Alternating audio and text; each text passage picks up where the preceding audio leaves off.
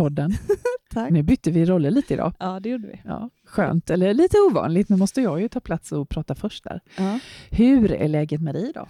Mm, om jag hade svarat så som eh, de flesta svarar så skulle jag sagt att allt var bra. Mm. Men om jag ska svara utifrån hur det är på riktigt Mm. eh, så mår jag inte så jättebra. Okej. Är det något du vill dela med dig av eller vill du hålla det? För dig själv?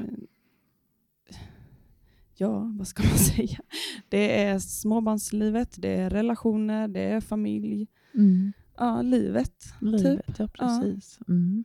Det är mycket, ja, många, många som man ska anpassa sig efter och som ska förstå vad man själv bär på. Och, Mm. eh, ja, kommunikationen är ju svår.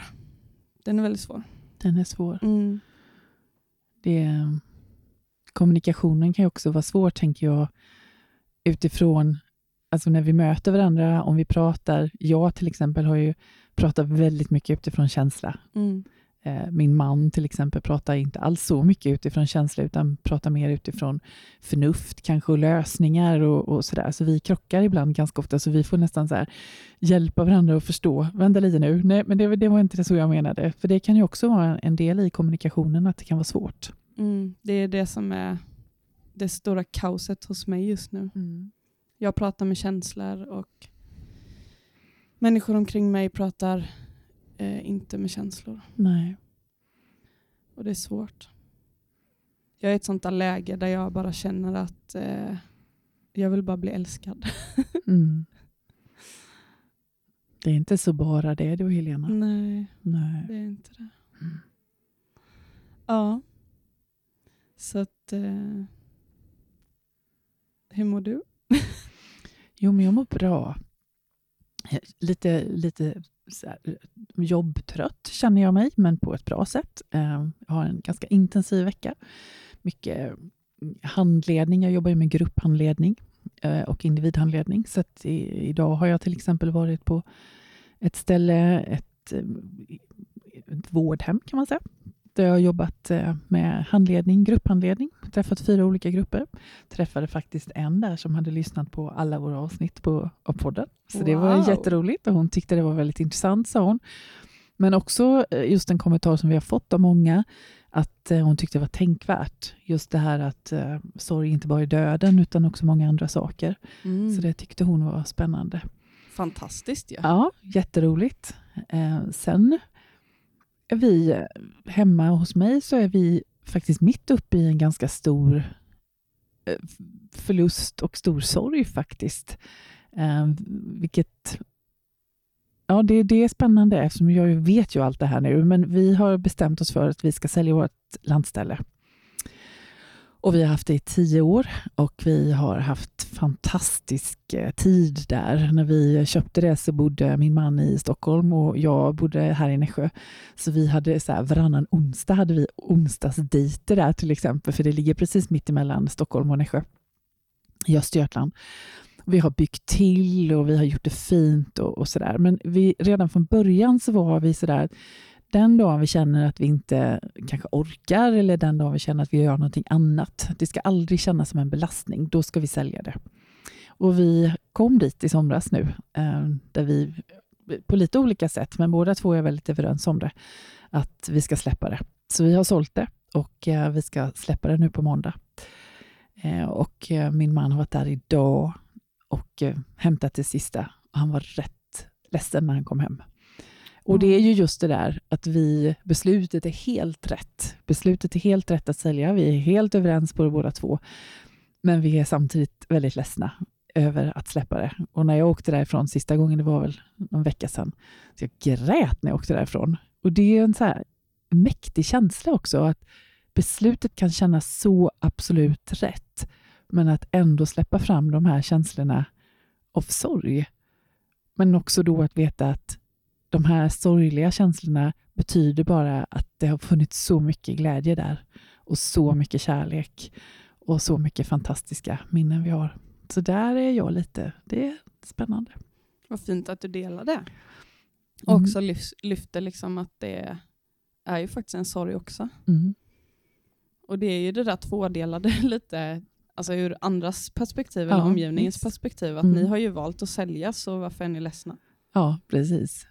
Men det är ju så. Ja, det är så. det är ju verkligen. kärlek och känslor och minnen och ja, ja, det är en förändring Ja. också. Ja, stor förändring. är det. Ja. Stor förändring. Vad ska jag åka nu när jag vill vara i fred och vara själv, Helena? Va? Men innebär detta nu, för jag vet att du någon gång har sagt att du har drömt om ett växthus. Mm, det innebär, Innebär- växthus. Det gör det? Det gör wow. det. Ja, det innebär växthus. Häftigt. Här i Nässjö. Mm. Ja, men det blir nästa sommar. Så då är det dit du kommer fly nu då? Ja, nej, Mm. men vi ska göra andra saker. Ja. Mm. Det känns Spännande. jättebra. Kul. Mm. Ja. Jag tänkte på en sak, Mm. att vi har ju pratat ganska mycket. Vi har pratat sorg och vi har pratat olika saker hittills i podden. Ja. Eh, och förra gången var ju någonstans sammanfattning av vad som har hänt efter de här första av- avsnitten vi har släppt.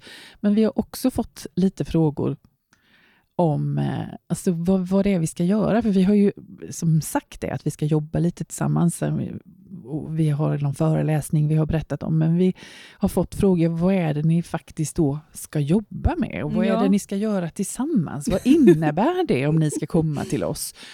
Eh, och vi har ju fått en hel del förfrågningar faktiskt. ja, det är faktiskt väldigt roligt. Ja, vi har fått en del uppdrag, vet jag, det Mm. vet jag vi sa förra gången, men vi Ja. har fått eh, på lite olika s- sätt. Mm. Liksom. Vi har fått frågor, till exempel från ett elbolag fick vi fråga Ja. eh, utifrån jag menar, i, i dagens läge nu med de här ökade elpriserna, de som jobbar kundtjänst inom, eh, inom, alltså, eller på ett elbolag till exempel, Ja. kändes oroliga för hur ska vi kunna bemöta de här telefonsamtalen som kommer vara många samtal utifrån människor som är i stor sorg och kris naturligtvis. Ja. Och saken är ju den att vi, vi glömmer ju kanske bort det lite, men all, all förändring som sker nu, eh, elpriser, alla höjningar på mat, alltså alla sådana saker gör ju att det blir stora förändringar för människor som kanske har levt det där normala svenssonlivet, som Mm. aldrig har haft ekonomiska problem tidigare och Visst. så. Och nu helt plötsligt så kommer människor kanske inte ha råd att bo kvar i sina hus om Nej. inte det är så att de går in nu och gör någonting åt detta. Mm. Men jag bara tänker, vi har ett hus som är väldigt stort, det är nästan 300 kvadrat och vi har en hall där nere med golvvärme som vi gjorde när vi flyttade in. Och vi räknade ut att bara den lilla hallen skulle kosta oss ungefär 3000 i månaden i bara elpris. Mm. Och då har vi nästan 300 kvadrat Mm. utöver det liksom med allt annat. Och vi tvättar ju och diskar med diskmaskin varenda dag. Ja. Ungarna badar gärna varje dag. Ja. Alltså, jag vet inte hur vi ska ha råd att bo i vårt hus. Vi har ju Nej. fått sänka värmen och stänga av vissa rum och Mm. tänka jättemycket på vad vi gör. ja, visst. Eh, och det här är ju, det kommer ju bli må- många, alltså psykisk ohälsa tror jag för väldigt många. Mm. Eh, och jag vet också en, en, som elbolag eller andra kundtjänster som jobbar liksom där det handlar om att folk ska betala för fakturer Mm. så har de fått samtal eh, redan förra året när det hade börjat höjas om människor som hotade med att ta sitt liv Mm. till exempel. Mm. Eller ehm, alltså, grät liksom för att Kronofogden skulle komma för att de inte hade råd att betala Ja, och sådana mm. saker. Och det är både skam och skuld också tänker Mm. jag i detta. Visst, absolut. Ehm, ja. Och, och sådana uppdrag tänker ju vi att, att, det, att där kan vi bidra med. Verkligen. Det, det, alltså dels det här med sorg, alltså hur man kan bemöta människor i sorg, men också kunskap om Mm. det mer generellt så, så Ja. att man kan känna sig mer säker i bemötandet Mm. gentemot människor. Men Ja. vi har ju också fått uppdrag där det faktiskt har dött en person på en arbetsplats och då blir det ju ett annat typ av jobb för oss där Mm. vi går in och gör ungefär samma föreläsning som vi brukar göra men där kanske vi mer pratar om vad gör vi efter sorgen, hur reagerar vi, olika reaktioner och sådana saker. Ja. Sen har vi också fått en del uppdrag där det är Alltså när man kanske till exempel jobbar på en förskola. Alltså hur kan man dels prata om sina egna sorger och så, för vi gör ju det också, men också det här med hur bemöter man föräldrar som lämnar barn på förskola? Ja. Som för många är en stor sorg att man ska behöva lämna bort sitt första barn kanske Verkligen. på, på förskolan och vara borta från en hel dag. Så det finns ju Mm. lite olika saker vi kan, kan jobba med.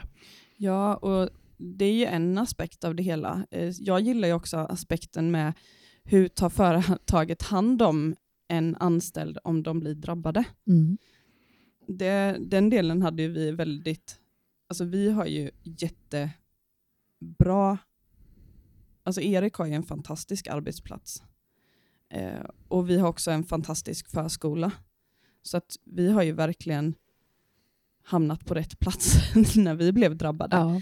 Berätta, Men, hur, hur blev det för er? Alltså, vad gjorde Eriks arbetsgivare till exempel? Som var... Ja, eh, de, ja, nu berättar jag utifrån vad jag har hörde i samband med att Isolde dog, så jag mm. kan inte 100% säga att det var så här det gick till, Nej. för jag vet inte. Men vad jag förstod det som så eh, hade de någon form av möte liksom, mm. eh, där de berättade dels vad som hade hänt och sen så började de prata ihop sig om hur de då skulle stötta Erik, för mm. att han är ju väldigt älskad på sin arbets mm. arbetsplats av mm. alla sina kollegor. Eh, och alla var ju väldigt ledsna och de har ju träffat Isolde och Helia, liksom, så att de mm. kunde verkligen relatera mm. känslomässigt. Eh, men det de gjorde var att de de kom hem till oss och då hade de väl köpt något gosedjur till Helia som var en nalle som hade en liten bebisnalle med mm. sig. Så att hon fick båda dem då, det skulle mm. representera eh, kanske Isolde lite då, mm. den här mm. lilla, att hon kunde hålla om henne. Eh, och sen så lyssnade de bara in egentligen. Ja. Och då var det en kollega som eh, då jag vet inte hur det var, men om de frågade typ hur går det med amning och sådana saker och Erik sa att nej men det går inte. Alltså, min kropp stängde av, jag kunde mm. inte amma någonting. Eh, och då snappade han upp det och, och sa typ till, sin, till sina arbetskollegor och arbetsgivare att en vällingmaskin skulle hjälpa dem jättemycket för då mm. behöver de inte stå och varma välling mitt i natten Nej. och hålla på. Liksom.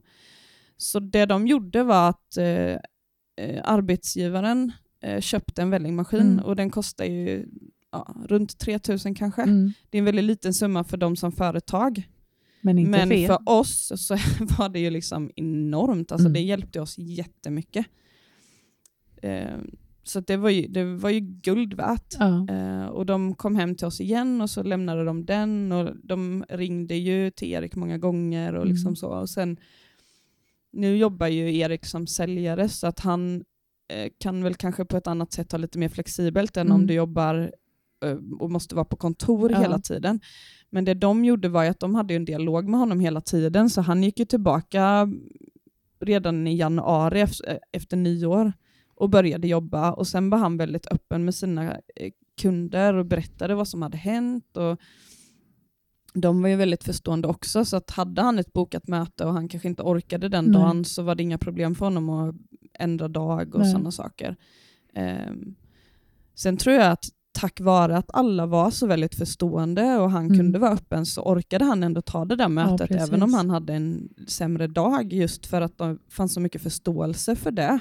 Och, och jag tänker framförallt så eller framförallt, men jag tänker också mycket på det som vi pratade om i andra programmet tror jag, som vi släppte, just det där att de vågade komma nära. Absolut. De vågade komma nära. Mm. Mm. Ja, jag tror att det handlade om att de bara lyssnade egentligen. Ja. Han fick gråta och sen var det bra och mm. så kunde de prata jobb ja, sen. Ja, det, alltså, det, var det som behövdes bara.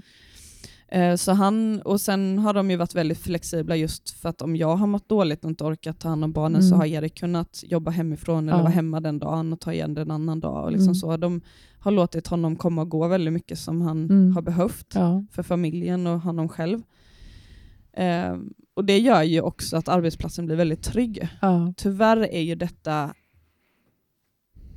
alltså, om vi ska säga av tio företag så är det kanske typ ett halvt företag som gör så här. Mm. Alltså det är jättesällan, mm. tyvärr.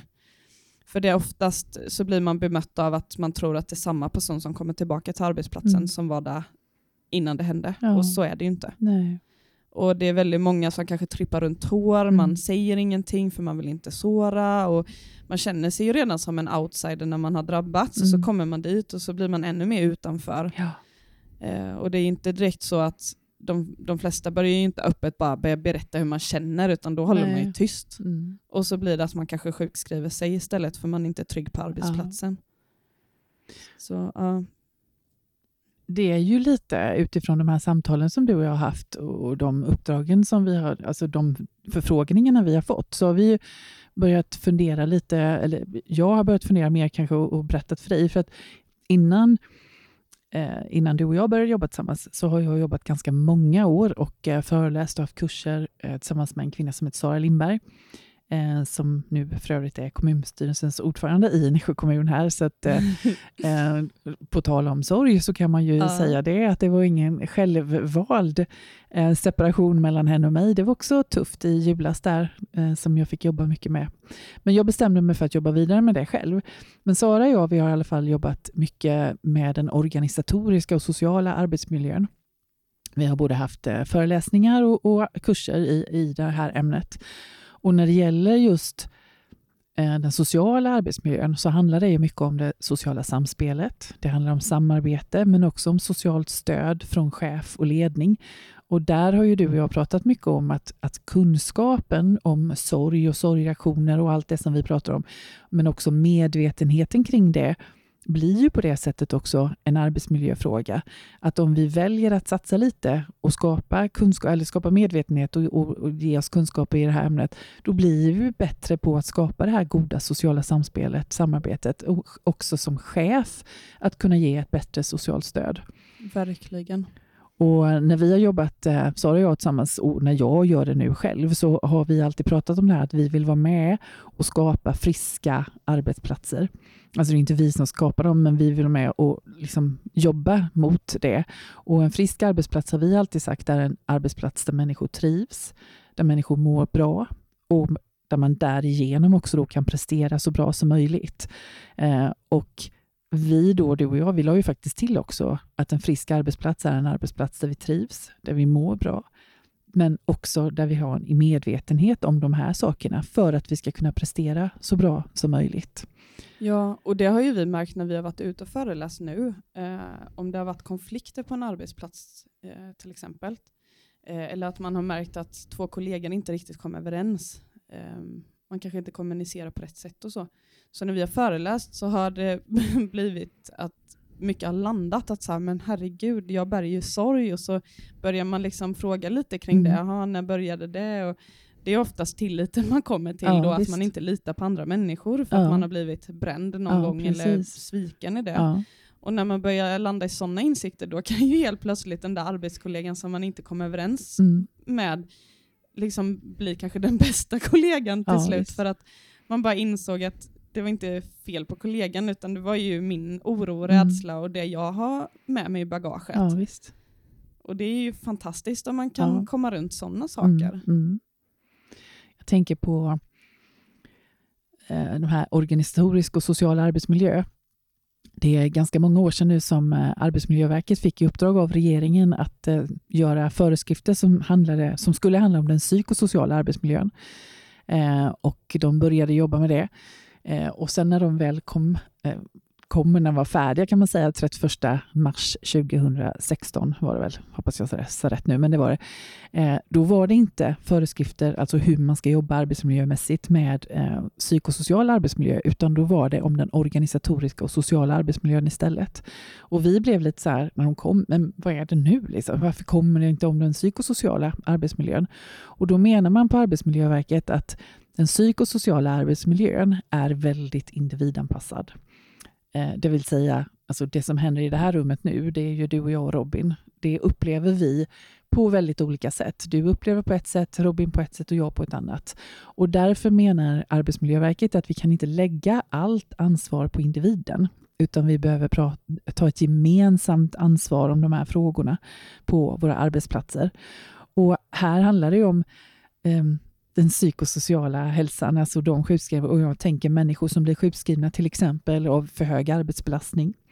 Eh, om man blir sjukskriven av till exempel upplevelse av arbetsplatsmobbning eller kränkande särbehandling, så är ju det sorg. Ja. Det är ju en sorg över mm. att livet inte blev som jag tänkt mig. Nej. Det är en sorg över att jag kanske inte kom in i arbetslaget som jag hade tänkt mig vad den är, så, så är det ju sorg. Så att det hör ihop väldigt mycket med de här arbetsmiljöfrågorna tycker jag. Vilket jag inte riktigt hade tänkt på innan. Förrän du och jag började prata om det. Nej, och jag, alltså det är ju verkligen så himla viktigt, för det är ju just det där att vi inte pratar om, om eh, vissa delar, alltså att det är kopplat till sorg just. Och mm. Det är mm. det vi verkligen vill upplysa om. Mm. Det är därför vi har den här podden. Ja, visst. För att vi vill ju berätta att sorg är ju så mycket mer än vad vi tror. Det är så mycket mer än vad vi tror. Ja. Sara och jag vi har skrivit tre böcker, men en av böckerna vi har skrivit handlar om just det här med kränkande särbehandling. Mm. Och eh, Den heter Våga bryta tystnaden. Och I den boken har vi intervjuat en del personer, bland annat en ganska ung man i 30-årsåldern som, eh, som eh, blev utsatt på sin arbetsplats. Och Han kämpade och kämpade och försökte få liksom upprättelse och få rätt och, och sådär. Och hans jobbarkompisar lovade att imorgon när vi har möte, då ska vi minsann liksom stötta upp dig. Men eh, tyvärr så tillhörde de den tysta massan och vågade inte säga någonting. Men han blev sjukskriven i flera, flera, flera år, den här unga mannen. Och det kan man ju verkligen säga är en sorg. Ja. Sorgen över att man inte kan vara kvar på ett jobb på grund av kränkande särbehandling till exempel. Mm. Mm. Och Det där glömmer många väldigt mycket bort. Alltså jag kan ju så mycket relatera till det du säger nu, det här tysta. Mm. Eh, alltså jag har också varit på en arbetsplats där det inte sköttes eh, särskilt bra, men, men det här tysta har jag ju upplevt så väldigt mycket efter att Isolde dog. Både liksom familjärt, eh, men också på andra sätt. Just det. Uh, den var, tysta massan exakt, som jag brukar prata om, den massan. går att applicera i privatlivet också mm. menar du? Uh. Spännande. Och det är en sån situation i mitt liv just nu också. Mm. Och det mm. är fruktansvärt. Uh. Det är fruktansvärt att bli behandlad med att folk bara är tysta ja. och inte säger någonting när, mm. när saker och ting inte alltså, när det inte är rättvist det, på något sätt. Nej, eller man precis. blir utsatt för saker och ting ja. som, ja, som är fel. Ja. Det här är ju jättespännande. Ja. Alltså jag, har, jag, nu erkänner jag bara det.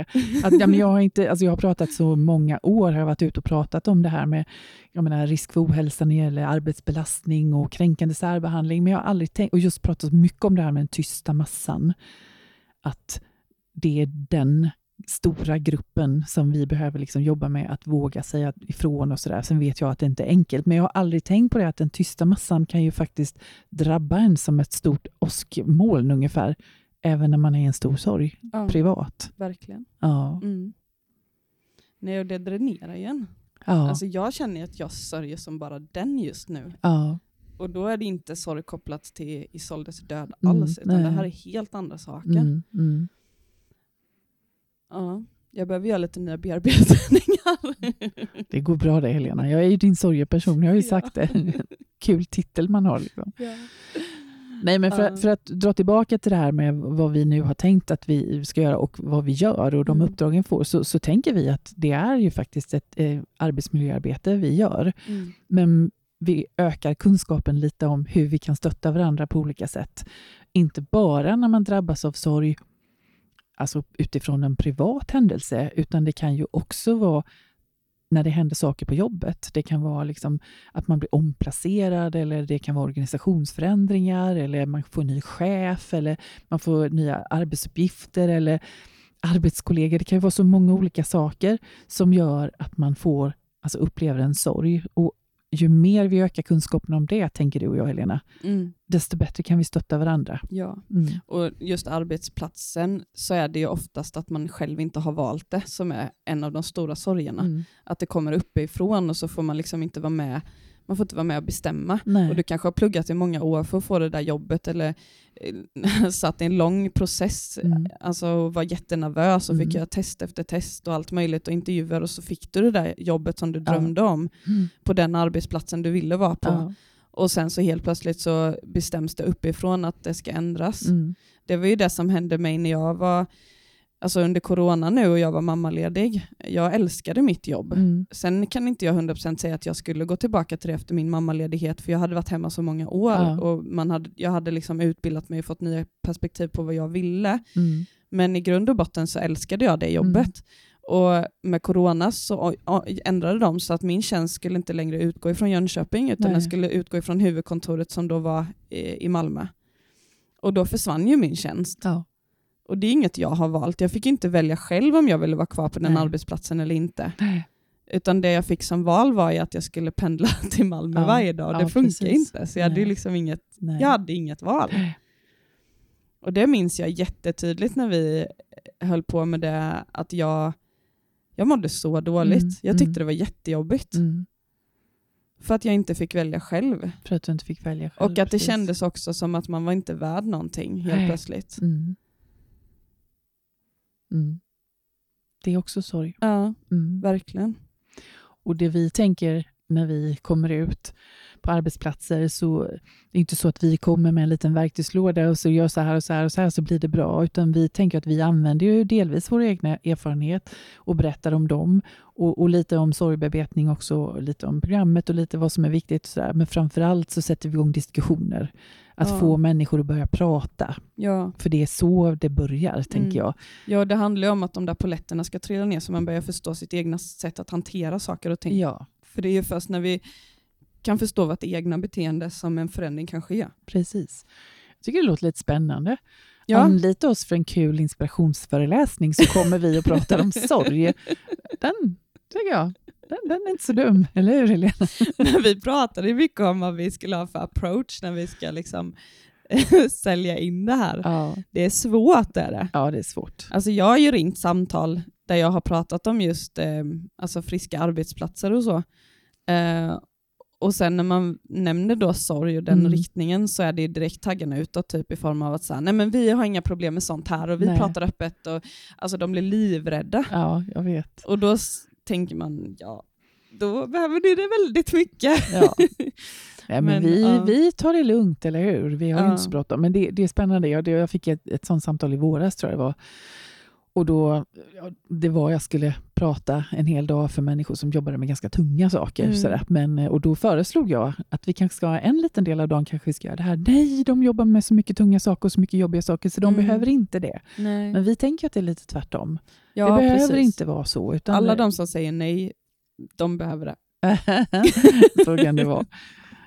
Nej, men sen, sen behöver vi också säga, det är klart vi förstår det. Ja. Eller hur? Ja. Det är klart, man vet ju inte hur man själv skulle reagera om, Nej. om vi inte hade gjort det här och så ringer någon och så är man arbetsgivare och säger nej men du vi tänker vi kan komma och prata lite sorg. Men, Mm. så nej.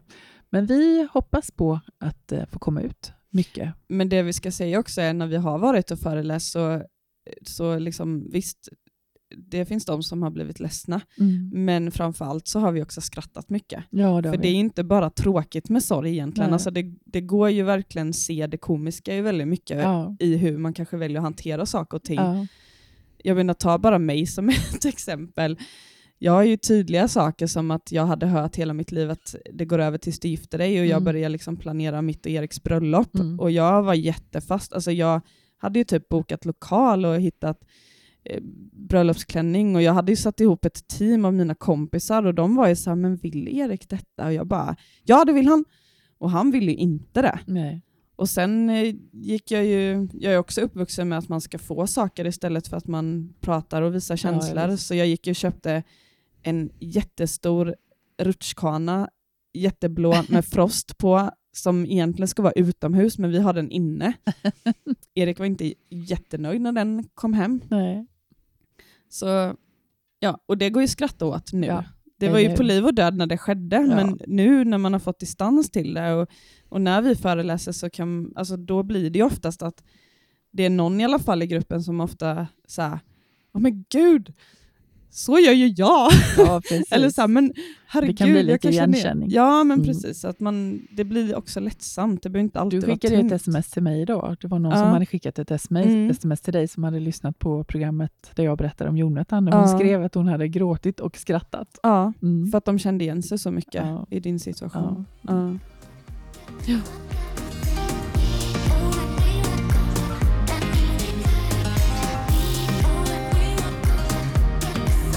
Vi eh, tog ju en liten paus, en liten snabb paus bara, och då, då berättade du Robin något som du hade, alltså som du bara kom att tänka på när jag satt här och pratade om det här med arbetsmiljö och kränkande särbehandling och arbetsplatsmobbning. Något som du hade varit med om när du var 19 år var det va?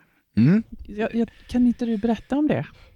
det, det, det stämmer. Jag, eh, ja, väldigt snabbt kom jag in i arbetslivet, eh, blev, eh, jag tog studenten eh, och sen så sökte jag in till Chalmers för att eh, bli godkänd, Mm. men väljer istället för att eh, börja jobba. Mm. Så jag började jobba på kundtjänst på ett företag eh, och eh, snabbt därefter, när jag var runt eh, ja, 19-20 år så, så blev jag befordrad då till eh, projektansvarig eller projekt... Och du, och du uttryckte också att du var duktig. Ja. Du hade det, bra självförtroende. Ja, det ja. hade jag. Och du kände, ja, men då du kände själv att du, du var duktig på det du gjorde? Ja, mm. eh, det gjorde jag definitivt. Jag kände att eh, jäklar fan, fan vad duktig jag är. Mm. Att jag, jag klarar av att göra mm. det här och att jag, jag jobbar och jag hade väldigt bra kollegor som eh, visade mig vägen att eh, vara kaxig, men du kan vara kaxig, men sedan vara ödmjuk. Du ska mm. vara ödmjuk mot allt du ser.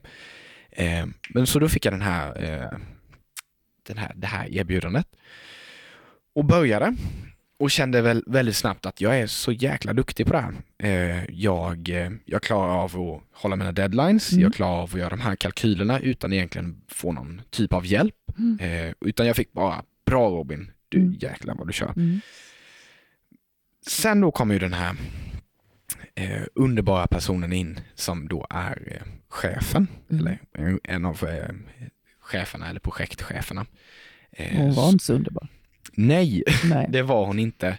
Utan hennes, hon tyckte att jag, största problemet hon hade med mig var att jag var för ung. hon sa det också till dig? Ja, ja. att jag, jag kan nog inte ta allvaret för att jag mm. är för, jag är alldeles för ung för att mm. förstå allvaret, eh, allvaret i det här. Vilket blev, och det här började väldigt så här, det kom en kommentar då. Kom smygande. Precis. Mm. Och sen så jag pendlade till jobbet så det var sex mil enkelresa. Så på vinterhalvåret så, så visste hon att jag kommer lite sent för mm. att eh, blir det stopp i trafiken så ja, då sitter jag ju fast där på, på vägen. Eh, så då började hon lägga eh, mötena klockan sju på morgonen. Ja. Och kom jag sent så fick alla höra.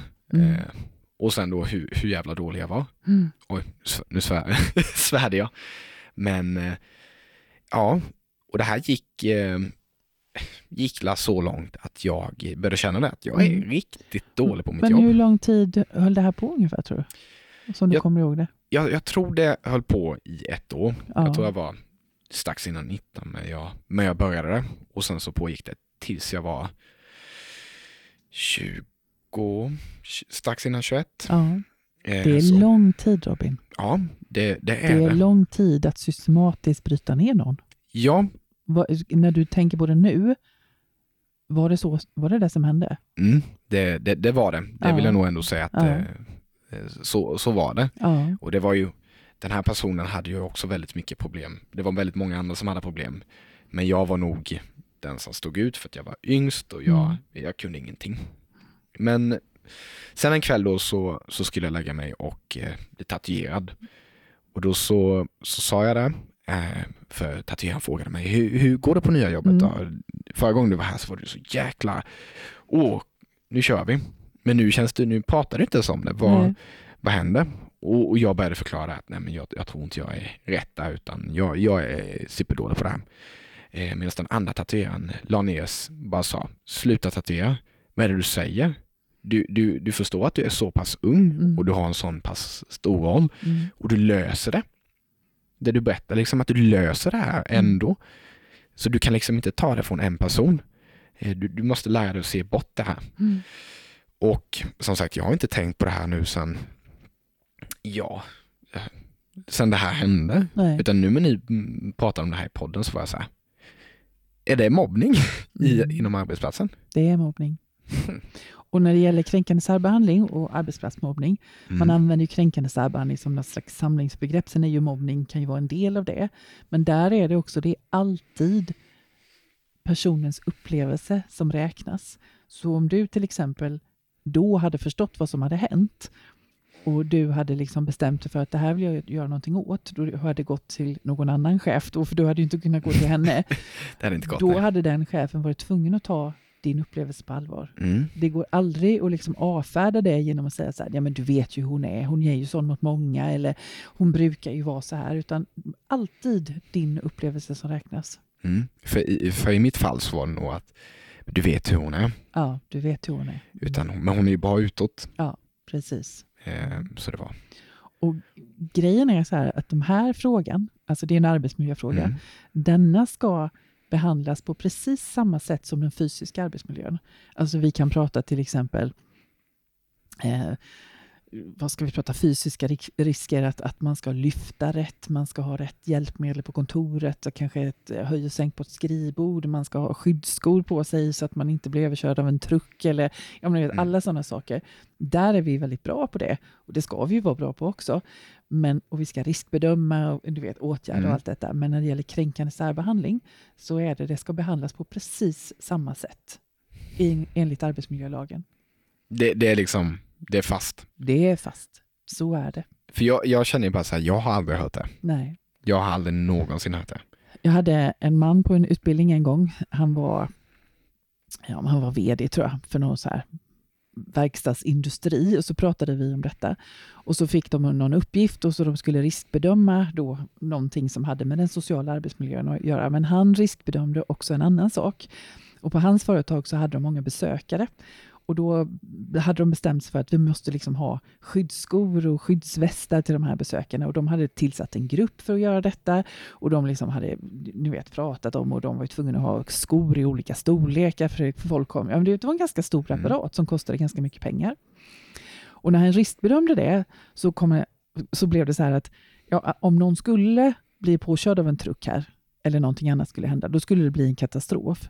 Men han visste att så länge det här företaget hade funnits så hade det aldrig hänt. Så sannolikheten var ju väldigt liten, så risktalet blev väldigt litet. Men han gjorde också en riskbedömning på jargongen i matsalen. För han visste att i matsalen så är det många som mår dåligt, för där var jargongen tuff, den var rå, det var mycket sexskämt och det var liksom ja, tuff, rå jargong. Och han fick många samtal varje vecka från folk som sa, jag står inte ut här, jag orkar inte. Och när han riskbedömde det, nu går det här snabbt, mm. men då fick han ett högt risktal vad gällde risken för ohälsa. Och han blev så här, varför har vi aldrig jobbat med det här för? Det känns så, jag, jag tror jag har sagt det innan, men i sorgen har ju liksom helt förändrat sig, eh, förändrat eh, min syn på sorgen har blivit förändrad mm. sedan jag började mm. eh, producera åt er. Ja. För det är liksom men jag tänkte faktiskt på det och frågade dig lite så här, hur mådde du känslomässigt när du blev utsatt för det? Alltså vad hände med ditt mående under den tiden?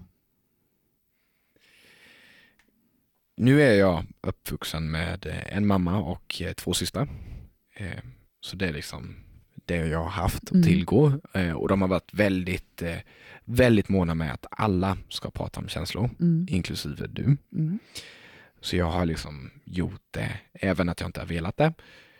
Men under den här perioden så blev det någonstans inom mig den här typiska, du är en man, ja, just det. skärp dig. Man gråter i bilen? Eller vad ja, men, ja, men ja, lite precis. så. Man sitter utanför eh, mm. några minuter extra. Mm. Eh, och ja, alltså jag, jag vill inte komma dit det sista. Nej. Och så har jag aldrig känt eh, någonsin. Att man kommer till ett ställe och man svänga in på gatan och så var det Ja, det blev mörkt. Det blev väldigt, mm. väldigt mörkt. Det var liksom som att det var alltid vintertid. Mm. Eh, så, men sen så reflekterade jag nog inte om att det var eh, jag var ledsen. Nej. Utan jag bara du började ju tvivla på dig själv. Det sa du ju ja. också. Du började ju själv tro på ja, att, jag var jättedålig. Jag är för ung, jag är nog inte så bra på det här, jag är nog inte så duktig. Mm. Men jag tänker att under den tiden Robin, så hade du ett väldigt brustet hjärta. Mm. Så kan det absolut vara. Mm. Det är så konstigt att det nu några år senare att jag sitter här med er och, och ni bara det här var sorg. ja, och så några avsnitt eh, sen så sa jag, men jag tror inte jag har haft någon sorg. Eller så. Så det är ja. Ja, mycket som du säger. Jag tänker också att det var en speciell situation just för att det var en kvinna i det här fallet och du är en kille. Mm. Eller mm. man kanske man ska säga. Eh, oftast är det ju män som är chefer som eh, beter sig illa mot kvinnliga anställda. Mm. Alltså, Men det kan väldigt ofta vara ja. precis som i ditt fall också. Mm. Mm. mm. Ja. Jag har haft en kvinnlig chef som eh, inte behandlade mig särskilt bra mm. heller. Så det kan ju vara åt det hållet ja. också. Men det är ett bra exempel på alltså när en arbetsmiljöfråga också kan innebära sorg. Mm. Mm. Men vad sa mm. du innan när vi hade lite paus? Eh, du nämnde någonting om hur många som tar sitt liv. Ja, alltså forskning tror att eh, när det gäller människor som är utsatta eller som upplever arbetsplatsmobbning att det är ungefär mellan 100 och 300 som tar sitt liv varje år. Mm. Wow. Och det, så att, eh, det, det är enorma... Mm. Och det är en jätte, jättefråga för mig. Mm. Jag, jag, jag tycker det är jätteviktigt att, att prata om det. Um, och sprida kunskap framför allt. Och li, lite som, som vi sa innan också om, när, om vår föreläsning. Det handlar inte om att komma med färdiga koncept att göra så här och så här och så här, men bara få folk att börja prata om det. Jag tänkte bara det lilla vi gjorde nu, så kom du på det här Robin, eller hur? Ja, Ja, stämmer. jag, Så att- tänker, jag tänker också, om man går tillbaka till dig Robin, Mm. att du är ju då 2021 typ, Mm. alltså på slutet av den här processen. Den Ja. började när du var 19. Ehm, och hur blev det sen? Sa du upp dig från den här arbetsplatsen eller vad hände? För det, det är det som är intressant också. Vad händer när någon blir utsatt för det? Många blir sjukskrivna och kommer aldrig tillbaka. Det, det här är också lite kul, eh, för, för det här står ju i mitt CV. Ja. Så. Och då brukar eh, folk brukar fråga vad, varför gick det nu då? Ja, för då gick jag till eftermarknadsansvarig. Mm. Eh, och de var lite, lite så här, Mm. nu jobbar du med folk som är elaka mot, mot dig. Och jag var så här, det här är, det här är lugnt. För att människor, något som jag är duktig på är att hantera människor. Mm. Eh, inte så som ni, men i det syftet med att vara professionell Mm. och så här, paragrafryttare, utan det var, det var enkelt att eh, luta sig tillbaka på, men så här står det och så här är det. Mm. Och de behövde inte veta min ålder och de behövde inte eh, veta så. Utan, men så jag jobbade faktiskt kvar eh, på det här jobbet i, slutade där i januari och så. Mm. Men- Ja. Det har du varit där många år. Jo, är den men den här- chefen kvar också? Nej, Nej. det är hon inte. Nej. Men För då hade kanske inte du varit kvar. Nej, men sen någonstans eh, så tror jag, ni pratar mycket om att man- när man väl fastnar i sorgen så är man i sorgen och man Mm. fattar inte vad, vad som händer så. Eh, och jag förstod nog inte det, utan jag, jag tänker att det skulle bli bättre men jag blir äldre. Just. Eh, jag förstod att nej, men jag har inte åldern inne för att göra det här. Och det blev så mycket i hela mitt liv jag har inte åldern till att eh, göra det här. Jag är inte tillräckligt vuxen för att eh, ta den här åsikten. Eller, alltså, Ja, det. Du hittade en reflekterat. förklaring. ja, men lite så Mm. blev det. Mm. Ehm, och sen så fort någon påpekade just det här med åldern i ett typ negativt sätt, jag vet inte hur jag ska förklara det, men Mm. att det var, jag hade då en, en kund som ringde och bara, ah, fixa det här. Och jag bara, nej, du har tagit sönder din egen eh, dörr så du får, det, det kan jag inte göra. Nej, okej. Sen googlade han upp mig, att eh, vem är han? Och då så såg han min ålder och ringde tillbaka direkt efter. Och, och där var, då blev det direkt så igen att det var, Och då ringde han tillbaka och påpekade din ålder. Ja, du vet ingenting för du är så liten. Eh, Men typ. vet du vad jag också tänker på nu? Ända sedan du och jag har lärt känna varandra Mm. så har du ofta sagt ja, men jag är så ung. Jag är, ju, jag är ung. Ja, Mm. det har du faktiskt. Ja, Ja, och då, och nu kanske vi har hittat grunden till varför du uttrycker dig på det Ja. sättet. Men lite så, för att oftast Ja. så tittade jag, det, här är också en sån här grej, nu, nu, bara, nu bara babblar jag på. ja, Ja. babbla Alltså, på. förlåt, du. nu bara tar jag hela. Nu bara öppnar jag upp mig. Det, det tog tio avsnitt sen jag sitter jag här. Men det blev någonstans i den här vevan med så blev det, jag började titta på andra män Mm. eh, i min omgivning och var så här, så här beter de sig. Ja. Och de blir gillade, Mm. typ. Mm. Eh, så jag började försöka, kan jag inte vara lite mer så här? Kan jag inte Mm. vara mer, lite mer så här? Gjorde jag bort mig då? Mm. Tänkte, tänkte jag när jag satte mig i bilen. Nej, jag skulle varit lite mer som han. Eh, och sen så kom, och så höll jag på så. Men sen så kom musiken in i Mm. min bil eh, och jag var så här, upp på scen. Och alla var så här, fan vad häftig du är. Men du rör dig på scenen och du, hur du gör det här och hur du ser ut och, och sånt här. Och då var jag bara mig själv. Eh, och sen under kvällen då så satt vi i vår loge. Eh, och folk, folk kom fram till mig och bara, du är, du är helt underbar. Mm. Jag var så här, varför? Nej men allvarligt, det var, Ja. det var verkligen så här, varför? Jag är, nu, är, nu har jag inget filter på mig, Nej. utan nu är jag bara det här. Så det, det tog, ehm, det har hemsökt mig länge. Nu, nu, nu när vi pratar om det. Jo, men, och det är ju lite när vi, det här avsnittet när vi pratar om intellektuella, intellektuella kommentarer, just att man, liksom, man gör saker för att få andra människors gillande. Mm. Det var ju lite det du beskrev nu, att du försökte vara som de andra för att få andra människors gillande. Mm. Men hade ni bara, men ni bara sa det här, alltså min förutsattade, eller förutfattade mening är att eh, det här låter jättedumt och jag ber om ursäkt för det redan, men det känns som att för mig så är det bara tjejer och kvinnor som tänker så. Ja, just det. Eh, som sagt, det låter jättedumt, men det känns som att det, mm. för att det blir så, det är det enda jag har hört, ja. att tjejer är så här, jag jämför mig med de här bilderna mm. och det är det enda alla pratar om. Ja. Att här, unga tjejer jämför sig med mm. Instagram-modeller och sånt här. Men så det är, ju, är det ju inte. Nej men, nej, men precis, utan nu när ni pratar om det så är det ju jag får ju ibland den frågan, ja men det är väl mest kvinnor som kommer till dig. Så, och, och, och, det, och det ska jag ju ärligt säga att det är mest kvinnor, men det är också många män. Och då brukar jag svara så här att de männen som kommer pratar om precis samma saker mm. som kvinnorna gör. Och det är det här som är helt mm. vrickat i min värld. Ja, för att, den börjar ändras nu den världen.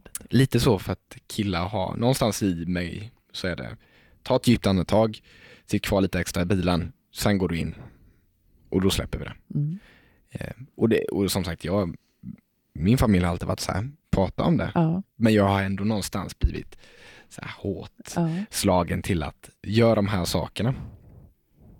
Alltså jag sitter typ och myser här borta nu för att jag tänker bara så här att jag har ju en son och jag bara hoppas innerligt för att han kommer vara tvungen att prata den stackaren. och jag hoppas innerligt bara att han är lika klok som du är när du sitter och pratar nu. Tack. Jag vet inte om jag är klok, jag kände att jag fick... no, jag men alltså du landar ju i insikter, alltså det är ja. det här som är så jäkla häftigt, att man kan landa i nya insikter hela tiden. Och, ja. och du vågar öppna dig. Och du vågar öppna dig. Mm. Ja, uh. eh, jo.